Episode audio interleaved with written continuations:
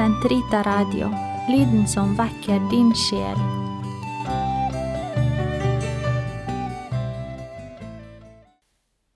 Den katolske kirkes katekisme, uke 38, lørdag 2276 til 2279.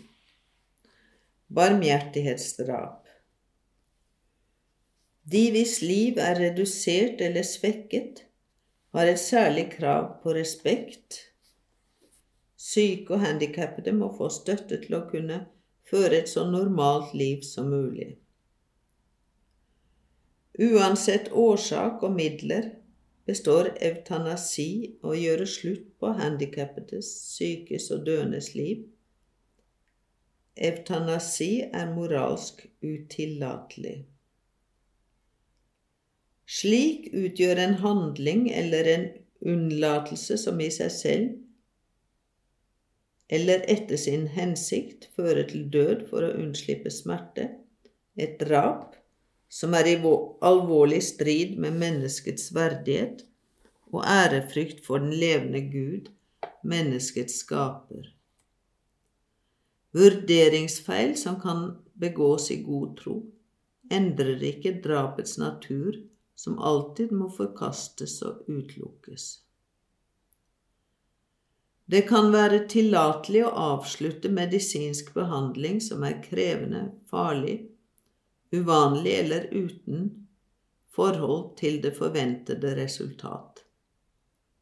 Dette er å avvise terapeutisk trass. Man ønsker ikke dermed å fremkalle døden, man godtar at man ikke kan forhindre den. En slik beslutning bør tas av pasienten dersom han eller hun er skikket eller i stand til det, hvis ikke av de pårørende under forutsetning av at pasientens fornuftige vilje og rimelige interesser ivaretas. Selv om man anser at døden er nær forestående, er det ikke lov å avbryte den pleie som vanligvis gis en syk. Bruk av smertestillende midler for å lette den døendes smerter. Selv om dette kan korte livet, kan moralsk sett være i samsvar med menneskeverdet dersom døden ikke er villet, verken som mål eller middel, men bare forutsett som uunngåelig.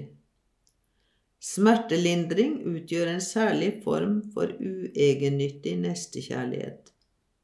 Slik sett bør den oppmuntres.